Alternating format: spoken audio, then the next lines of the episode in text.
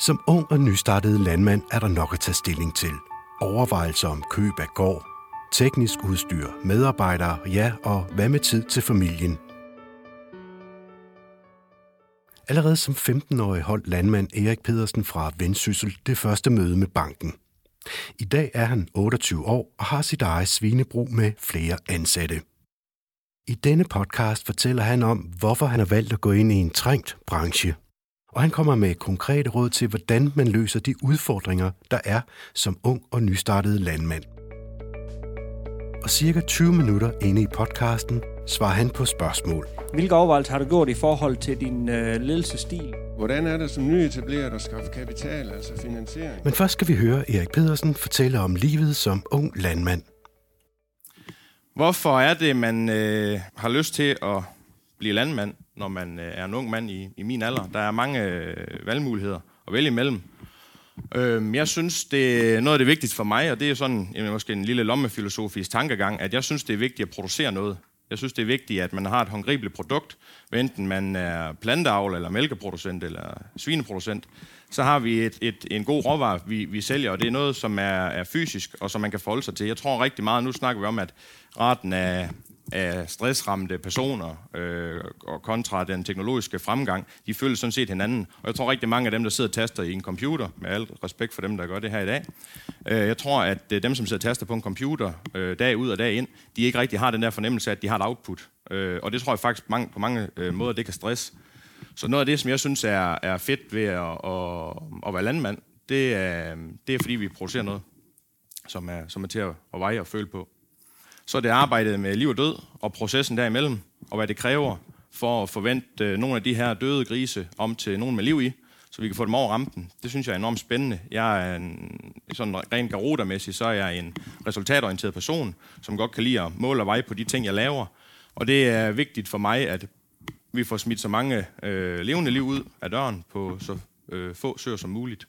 Så det er noget af det, som jeg sådan synes, at igennem både min tid og hele min opvækst har været spændende at kunne relatere til så er det drømmen om en familie på landet. Jeg synes selv, jeg har haft en fantastisk opvækst øh, deroppe midt i Vendsyssel, øh, hvor der var øh, højt til loftet. Der var fri vider, og man kunne tage en tur på ATV'eren, og man kunne øh, ride på hesten, og man kunne slås med sin søster ud i haven. Øhm, og det, det håber jeg, jeg kunne give videre, i hvert fald til, til min datter. Øh, det er noget af det, som, som jeg, jeg sådan kan se, at har med til at danne mig og, og forme mig som person, så jeg håber, jeg kunne give hende de samme muligheder. Og lige sådan med, efter jeg var færdig nede på Vejleby der øh, med Agrobusiness Manageren, der tænkte jeg også, at inden vi etablerer os og tager det helt store spring, så kunne jeg godt tænke mig sådan lidt i mini-format, lommeformat og starte forretning. Så der startede jeg hæftet mit øh, CVR-nummer og øh, startede en erhvervspark i nogle øh, tomme lokaler, som min far han havde på en øh, ejendom. Og øh, der var 4.000 kvadratmeter, som var blevet brugt til noget øh, kartoffelproduktion, tidligere fødevareproduktion. Så der fik vi restaureret og malet gulve inden, og i dag der er de 3500 lejet ud til, til andet erhverv. Og det var meget spændende at være i den her proces til at starte, starte noget andet op og prøve ligesom også at styre det der med, med moms og indberetning og så videre. Og vi søgte en masse penge igennem øh, landdistriktsmidlerne. Øhm, så ligesom det, det er også med til ligesom at give mig skubbe til at sige, nu, nu tror jeg, jeg er ved at være klar til det med at blive landmand. Så vi skulle have fundet en ejendom, og en, to, tredje ejendom i kikkerten, som der står, vi var først øh, for år tilbage ude og kigge på noget. Øh, det var sammen med mine forældre. Øh, op i Vendsyssel en voldsom øh, stor balance øh, på den her ejendom, der var til salg. Og det var også med 1200 søer, men så var der så lige knap 600 hektar til. Og det kunne jeg mærke, jo længere vi kom ind i den proces, jo mere skræmt blev jeg egentlig over at skulle til at, at varetage noget i, i den kaliber, og følte mig ikke klar til at have den der, det der ledelsesansvar, når det var med 1200 søer til, til stort set op til slagt. Øh, så den bakker vi altså lidt ud af, fordi at, øh, den var for, ja, for jordtung og for dyr. Øh, og øh, så fandt vi en ejendom mere, øh, som det er ikke så forfærdeligt længe siden heller, vi var ude og kigge på den et par gange. Synes den kunne være interessant. Øh, og der kom så, inden vi havde noget materiale klar, der kom egentlig en pengemand og købte den sådan lige for næsten øh, af os. Og det er jo, det er jo sådan noget, der, der kan ske i den proces. Men øh, så var den her, den her så stod til salg i to år. I, igennem alt det her har den sådan set været til salg med en masse hektar til og sådan noget. Heldigvis så er der blevet solgt noget, nogle hektar fra, øh, så vi kom ned på omkring 80 hektar. Og jeg synes, det var sådan en fornuftig størrelse, for jeg ønsker absolut intet at have med det der plantavl at gøre. Og det var en ejendom med 80 hektar til. Der stod i salgsopstillingen, der var lavet til 1000 søer. Øh, det kunne jeg måske godt betvivle lidt. Og så var det en konkursejendom. Og så var det det, som jeg kalder for mange saneringsmodne bygninger, øh, som var bygget fra 1912 og op til, til 58, og noget af var renoveret en gang i 90'erne.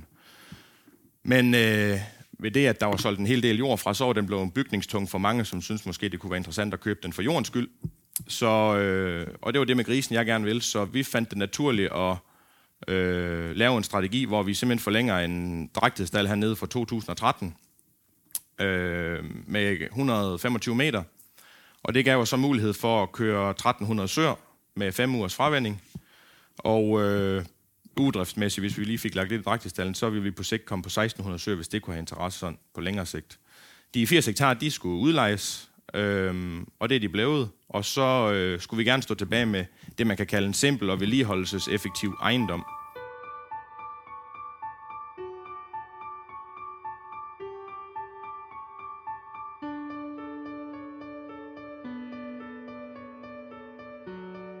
Jeg havde nogle kritiske succesfaktorer, som jeg satte op for alle de her gårde, jeg nu var ude og kigge på. Det skulle de gerne kunne holde sig øh, indenfor.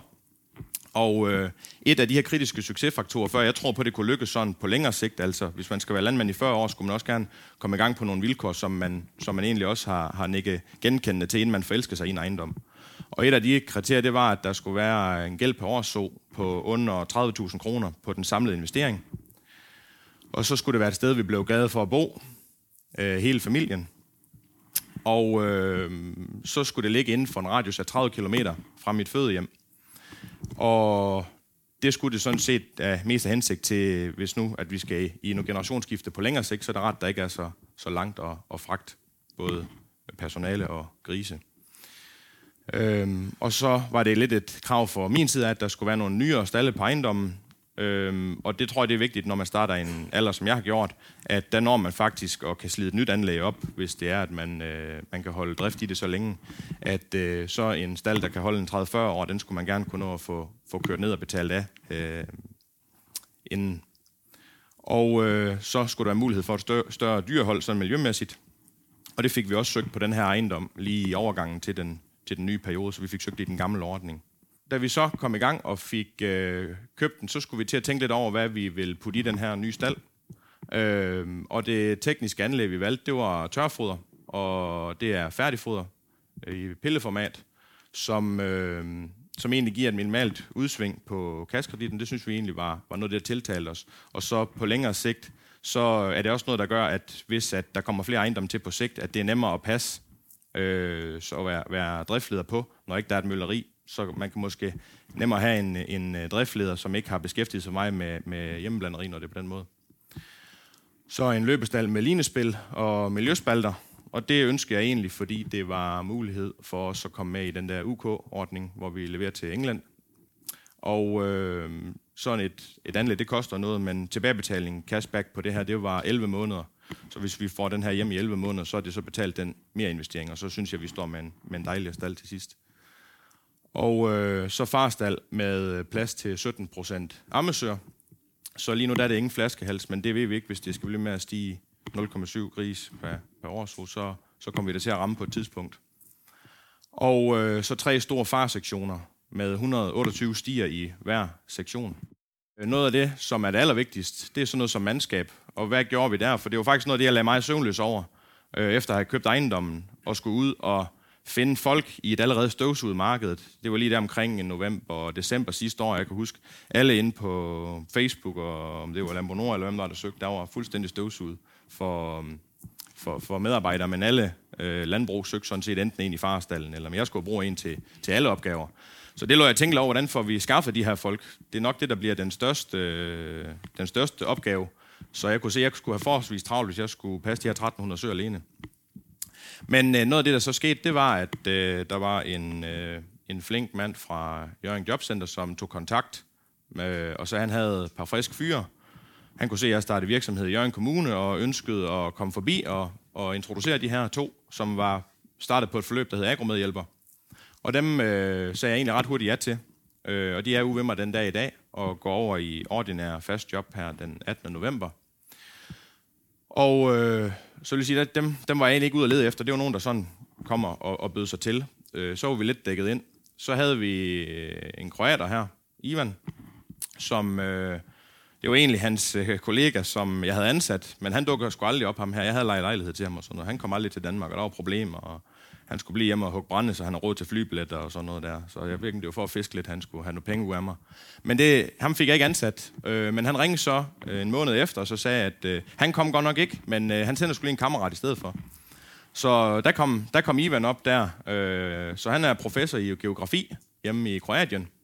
Og han skulle, øh, han skulle op og lære noget om at passe noget gris, og det går faktisk rigtig godt. Han står for selvstændigt for løbedrægtighedsdal i dag. Så har vi øh, Sandra, som er, hun er så den eneste dansker på holdet. Og hun er jamen, en rutineret pige, som har passet gris de sidste øh, 12 år. Så hun øh, står for, for farstallen og den del øh, dernede. Og så har vi det nyeste medlem, det er Rafaela fra Portugal, som har været ved mig i tre måneder. Øh, som også øh, gør et rigtig godt stykke arbejde.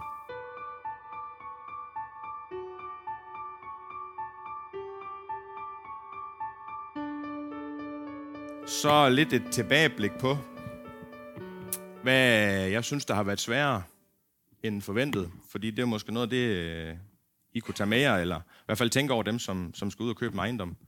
At øh, noget af det, som jeg fandt ud af igennem mit øh, job, det var jo øh, mit tidligere job som driftleder, hvor vi havde, der var vi fire mand ansat. Og der havde vi sådan lidt en rullende øh, kultur, jeg kom ind i, og den fik vi sådan stille og roligt ændret øh, årene over. Og, og det synes jeg nemlig selv blev rigtig godt, så jeg var sgu fortrøstningsfuld, men det var, det var nemt at ansætte øh, fem nye uden øh, en masse dårlige vaner og sådan noget, så nu skulle vi bare have den her kultur kørt ind. Men det var faktisk ikke så nemt, fordi at øh, nogen, der kommer øh, fem forskellige steder fra i verden, øh, fra Eritrea eller Portugal eller Kroatien og Danmark, de har lidt et forskelligt syn på livet. Og dem skulle vi lige have ensrettet lidt. Så det har faktisk taget en hel del af min tid, øh, også mere end jeg har regnet med. Sådan noget med, at altså, vi møder altså til tiden om morgenen, og vi står omklædt i stallen kl. 7 og vi øh, holder en god tone, vi smiler til hinanden, vi sørger for, når vi har spist madpakker, så sørger vi for at få ryddet op, det ikke ligger. Øhm, og og det, det er sådan noget, der har været ekstremt svært i hvert fald med, med de her to øh, eritreaner her, fordi de kommer fra en helt anden kultur. Helt, helt anden. Det er som, som nogen, der, der lander for Mars i forhold til, hvad vi gør herhjemme. Så de skulle egentlig lære i starten, at de skulle tage deres øh, øh kedeldragt og arbejdssko af, inden de gik ind og satte sig inde i stuen, inde i køkkenet, hvor vi skulle have kaffe. Nå, men det havde de ikke lige tænkt på. Det var sådan, det foregik. Øhm, så der var en hel del øh, sjov med det. Øhm, men, men det kræver rigtig mange timer i stallen, og, og det har typisk været at arbejde med folken for at få dem til at præstere. De kom jo sådan cirka samtidig, så der var jo også mange ender, der ligesom skulle lukkes af.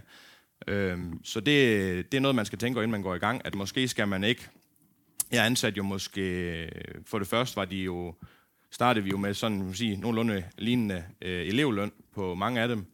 Og øh, det tænker jeg, det er jo fint, fordi så kunne vi jo spare nogle penge i forhold til det, vi har budgetteret med. Men der vil jeg da anbefale, at man måske får nogen med lidt kompetencer øh, ind for højre af, og måske hende, der, der, der har ansvaret i farstallen, hun skulle måske være ansat som en af de første, i stedet for en af de sidst tilkommende. Sådan at der ligesom var noget stabilitet, også når man ikke lige var i stallen. Og så, øh, det er nok noget af det, der har været allersværst, det er sådan set at få, få tid til familien igennem den her etableringsfase. Fordi ikke nok med, at vi så øh, i det her enkelte projekt skulle etableres. Vi skulle også ud og bygge stald, og vi skulle også ud og starte ny besætning, og vi skulle også ud og ansætte fem nye mand. Så, så det har været rigtig mange timer. Jeg har været væk øh, fra familien her, i hvert fald de, de første øh, ni måneder efter vi overtog, og indtil vi blev færdige med at bygge. Der var det en 11 timer om dagen, jeg rendte derude. Øh, og det er ikke noget, jeg mærker, fordi man er fuldstændig i drive, når man har overtaget sådan en ejendom, og det er lidt en strøm, man ligesom først går i gang med at arbejde på der at øh, der starter sådan en eller anden gnist i en, som faktisk er ret svær lige at holde ned, og det, det vil jeg sige, tænk over det, når I kommer i gang. Måske lave en dag et arbejdsskema, hvor I levner lidt plads til familien. Fordi at det er noget af det, der ikke har været øh, forfærdelig god tid til. Så det, øh, det er der payback på nu her.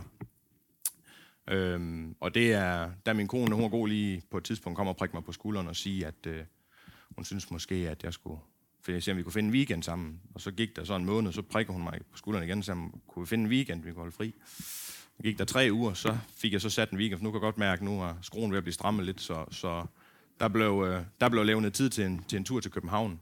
Og det var faktisk også dejligt for mig selv at vide, at når man kom hjem, jamen så var tingens tilstand. Det var jo ikke sådan, at der var brand i stallen, og der var gået ild i pillefyr, og der var alt muligt.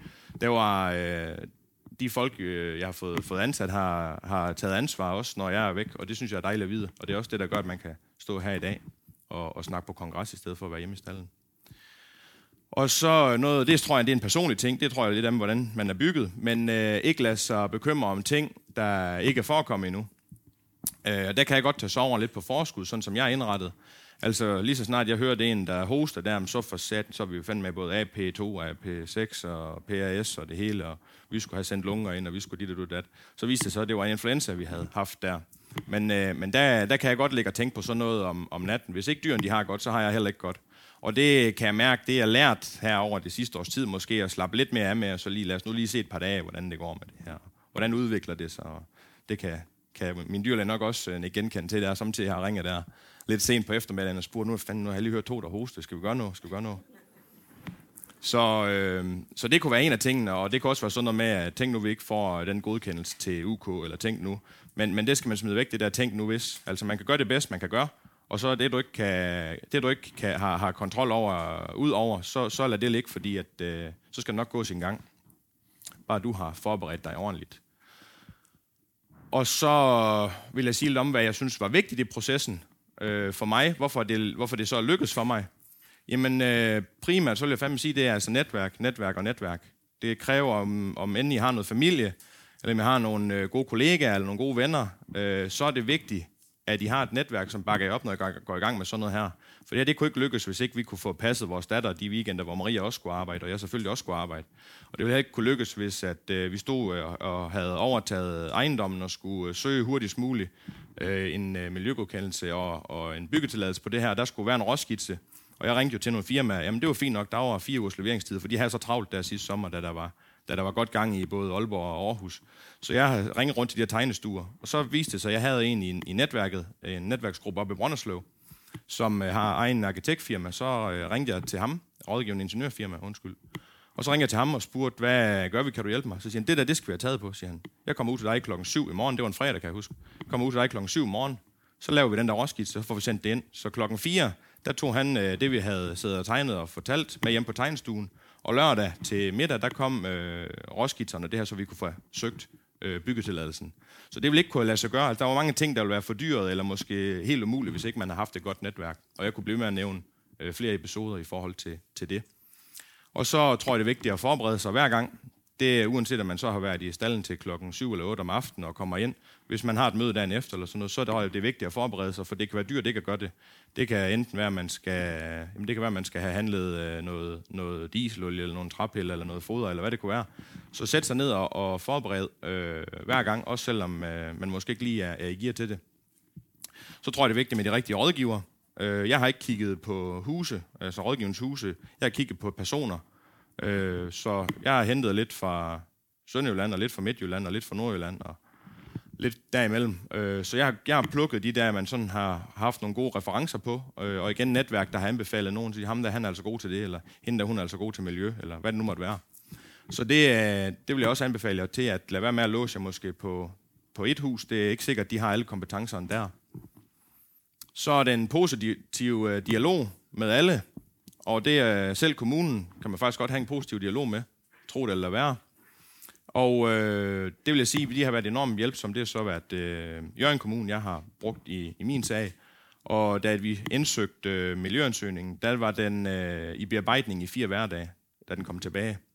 Øh, og det synes jeg selv er, har været en enorm flot tid, at, at hun kunne gøre det på. Og så gør det ordentligt første gang, hver gang. Det, er, øh, det har været keynote for mig.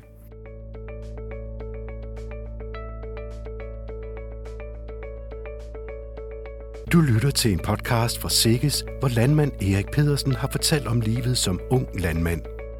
Og nu er han klar til at tage imod spørgsmål. Jeg blev spurgt heroppe, hvorfor, hvorfor nogle strategiske øh, overvejelser jeg har gjort mig i forhold til det nye staldbyggeri, hvorfor jeg ikke har bygget til løsgående søer. Og det var faktisk noget, jeg undersøgte rigtig meget, og havde også lyst til at gøre det øh, med de her løsgående øh, søer. Der var jeg er så uheldig, at 17, der var ikke nogen bevillinger, så der lagde nogle gamle bevillinger fra 16 af. Øh, og der havde vi så søgt ud, om vi kunne få nogle af dem her frigivet, for de kunne se, at de kunne ikke nå at bygge, de her landmænd, som havde søgt dem hjem, kunne jo ikke nå at bygge en stald på to måneder. Så derfor kunne jeg lige så godt få glæde af, af det her øh, tilskud, inden det øh, så bortfaldt. Og der blev ringet rundt, men der var ikke nogen, der tilkendegav, at de ønskede at og, og, øh, ja, øh, hvad kan man sige, afgive de her øh, øh, penge øh, potentielle penge. så de er nok gået til noget, til noget økologer et eller andet sted. Øh, men, øh, men der vil jeg så sige, at øh, der var jeg sådan lidt, om, om man så skulle betale egen lomme, for det var en mere omkostning på det her bare på 3,5 millioner. Og det er jo faktisk noget, jeg kunne se. Det var ikke noget, jeg fik mere for i sidste ende på min salgsvarer. Øh, dem, der har prøvet det der, der, de er vendt over til UK igen. Så det er ikke noget, jeg egentlig har fået en, en, en uh, mere indtjening på. Og det næste er også, at øh, dødeligheden den følger sådan set også med op øh, på de fleste, og især hvis man skal til at lære at passe i sådan et system. Øhm, og så gik jeg ind og har øh, hvad man snakket med nogle konsulenter, øh, og nogen, som har været i, i byggebranchen øh, i længere tid og siger, hvornår vil der komme nogle regulativer? Og de siger, hvis det minder om det i øh, drægtestallen i 2013, så vil det her tidligst være forældet i øh, 2042. Så det var sådan en overvejelse, at 2042, så har vi sgu nok også noget inventar, der står og hænger i, i farstallen alligevel. Og så må vi så tage en beslutning, når vi kommer dertil, om det, om det skal så være til løsgående, eller vi kan få lov til at køre videre med, med, med fixeret. Hvilke overvejelser har du gjort i forhold til din øh, ledelsesstil og i forhold til de ansatte, du vælger? Øh, har du et, et drømmescenarie, og hvis nu der skal nogle danske elever ind over, øh, hvad, hvad, har, hvad har du gjort der tanker i, i den retning? Hvad, hvad skulle der til, og, og, og hvad er det ligesom, du, du vælger nu her fremadrettet? Ja, altså øh, godt spørgsmål igen. Øh, det, der jeg synes, der lykkes bedst for mig, det er faktisk tit at tage nogen, som øh, kommer og har et øh, enten en, øh, en lyst til at opleve noget i et andet land, som jeg har med blandt andet kroateren, eller nogen, som har været i Danmark og ikke haft held med praktik og egentlig har måske følt lidt, at de er blevet sat lidt på sidelinjen øh, i det danske arbejdsmarked. Dem har jeg enormt stor succes med at få kørt ind, så nogen som dem, som måske har lidt en hård fortid, eller har behov for at sende penge hjem, eller hvad kan man sige, nogen, som, som kommer af, af mindre bemidlet, dem har jeg, øh, dem har jeg for nu, at det er nogle af dem, jeg har, har, øh, har rimelig godt tag på. Og det er i forhold til værdibaseret ledelse. At øh, når vi kører i gang med sådan en medarbejder, så, øh, så bruger jeg ikke den der med, at du skal lave det, og du skal lave det, og vi skal have rent, og vi skal have sådan og sådan. Vi kører meget på artefaktoren. Altså, nu er det nemt i nye stald at holde ordentligt pænt rent. Så der er mange ting, jeg ikke behøver at sige, når der starter en ny medarbejder. Altså når skovlen den hænger, og der er et lille billede af den skovl, og der står rød skovl, så er det nok, fordi den røde skovl den skal hænge der. Så jeg går meget op i at, at køre som mest muligt lin på, og så værdibaseret ledelse i forhold til, hvorfor gør vi opgaverne? Ikke bare fortælle, nu skal du øh, vaccinere, nu, nu skal du øh, flytte søer. Fortæl, hvorfor er det, vi gør de her ting. Det er fordi, når vi vaccinerer, det handler noget om, at vi skal have immuniseret dyrene over for en eller anden øh, given sygdom. Øh, og hvad det så betyder i produktionen. Så øh, værdibaseret ledelse, tror jeg, fungerer godt på dem. Og der skal man også kunne se, øh, i forhold til den der værdibaserede ledelse, hvor passer de medarbejderne ind. Man, får kun, man har kun det, man har at arbejde med. Du får ikke bedre end, end det, man ligesom øh, kan man sige, betaler for. Og øh, så får det mest ud af de medarbejdere. Når de så vokser, som tre måneder, hvis det er nogen, der har gjort det rigtig godt, så skal de også begynde at have noget mere løn, og de skal også begynde at have noget mere ansvar. Og det er sådan noget, jeg kan se. Der er nogen, der fanger den der ret hurtigt og bliver motiveret af det. Og så har jeg også to, for eksempel som øh, Haptom og Rainbow der, som er fra Eritrea. De ønsker egentlig bare at have en stabil hverdag hvor de ikke skal tænke for meget. De har haft været igennem så meget øh, flygtning og krig og praktik og sådan noget. De er bare trætte af alt det der øh, skiften rundt. De vil bare have en stabil hverdag, hvor de kan få lov til at kastrere, eller de kan få lov til at vaske, hvis det er det, de skal, eller flytte sør. Så nogle, nogle helt, helt øh, rutineopgaver kan de godt gøre hele dagen, uden at designere dem, så har de haft en rigtig god dag. Så det handler om at så se, hvor, øh, hvor ligger de udnyttede kapaciteter i, øh, i de der ansatte. Hvordan er det som nyetableret at skaffe kapital, altså finansiering? Hvor godt har du forberedt dig der, og hvor meget bliver der vægtet med det personlige og det faglige? Ja, tak for spørgsmålet. Jamen, øh, da jeg skulle øh, ud og finde ud af, hvad jeg gerne vil, der var jeg ikke ret gammel, men det er jo nok også, fordi jeg gerne vil have sådan, at man arbejder hen imod et mål, fordi så er det måske nemmere at nå det her mål. Så som 15-16-årig, der startede jeg med at smide penge over på en etableringskonto. Og så samtidig så bookede jeg skulle lige et møde med en af landbrugsrådgiveren øh, øh, i, i min bank, øh, samtidig med, for at høre, hvis jeg skal lægge de her penge de næste mange år, det, det vil cirka være så mange penge her, over ja, 15 år eller 10 år, eller hvad nu det lykkes med, vil I så på et tidspunkt være villige til at låne mig penge til at købe en ejendom? Hvis ikke, så finder jeg heller et andet sted og placerer mine penge indtil da. For så kan man ligesom høre, er det nogen, der er, er, det nogen, der er indstillet på, og så vil hjælpe dig i gang, når den tid den kommer? Eller, eller er det nogen, som egentlig bare siger, at det er fint, du har sparet de her penge op, men du kommer ikke i gang? Og der, find, der fandt jeg ud af allerede der, at at øh, han var glad for at tage sådan en møde med en ung mand. Det var ikke sådan, han synes at det var ubelejligt, og, og at jeg kom og tog noget af hans tid. Han synes faktisk, det var enormt spændende, at man kom så ung. Så hvis der er nogen af jer, øh, der har planer om på sigt af 5 eller 10 år, så tag allerede et møde nu og fortæl om jeres drømme og visioner med banken. Øhm, og den dag, jeg så skulle låne pengene, der havde vi et møde i banken på jeg tror måske to eller tre timer, og så har vi faktisk lagt det, lagt det meste af det her på plads. Så i, i mit tilfælde har det ikke været finansieringen, der har, der har været svær at finde. Og, øh, og så med det faglige, der har de jo også kigget på, hvad har vi af referencer øh, tilbage i tiden, og der har jeg så sørget for, at de steder, jeg har været, jeg har fået en eller anden reference med, en udtalelse med, helt fra øh, da jeg passede kør som 14-årig. Så, øh, så det, det er også sådan, jeg kigger på, at det er noget historik, der ligger øh, længere tilbage. Det her, det var ikke en drøm, jeg fik i går, nu tænker jeg nu, at jeg skulle ud og købe landbrug, så nu går jeg i banken. At de kan se, at der ligger noget bag. Det, det er en længere proces, øh, der, der har været øh, i spil der. Så men det bliver vægtet, selvfølgelig, det bliver vægtet højt, at du har et godt og sundt projekt, og så at de siger, at en ting er projektet som selve gården, men de vil også gerne have den rigtige mand på, eller kvinde på de her ejendomme. Så selvfølgelig skal man da være klar over, at man bliver der, man bliver der lige trykprøvet lidt, det gør man da. Jeg tænker, når du står over for de her beslutninger, som måske har sådan lidt mere øh, hvad skal man sige, øh, langsigtede virkninger, inddrager du så andre, eller står du selv med det? Øhm, ja, altså jeg har haft igennem, øh, det var så et krav faktisk fra min finansielle partner, at igennem øh, det her byggeproces og opstart, der skulle jeg have et byggeråd. Og der har jeg så, der har vi siddet fire personer samlet i det her byggeråd og mødtes x antal gange. Og det har været meget omkring øh, sådan noget som tidsstyring, fordi det var jo en ubekendt faktor, når at vi ligesom er, vi er gået blevet lovet af totalentreprenøren. Han siger, at vi er selvfølgelig færdige til den dato. Ingen problem. Men vi løb ind i en masse regnvejr der, så det er ikke, vi kan huske sidste år, det regnede hele helvede til. Så, så vi kom, i, stedet for, i stedet for at komme i gang der 1. december, så var vi jo hen øh, i uge 4, inden vi begyndte at grave. Så det blev jo lidt noget spændende noget lige pludselig med den her tidsplan, fordi løbestallen skulle jo være færdig i uge 20. Så det vil sige, at han havde 16 uger til at bygge øh, 2.000 kvadratmeter løbestal i.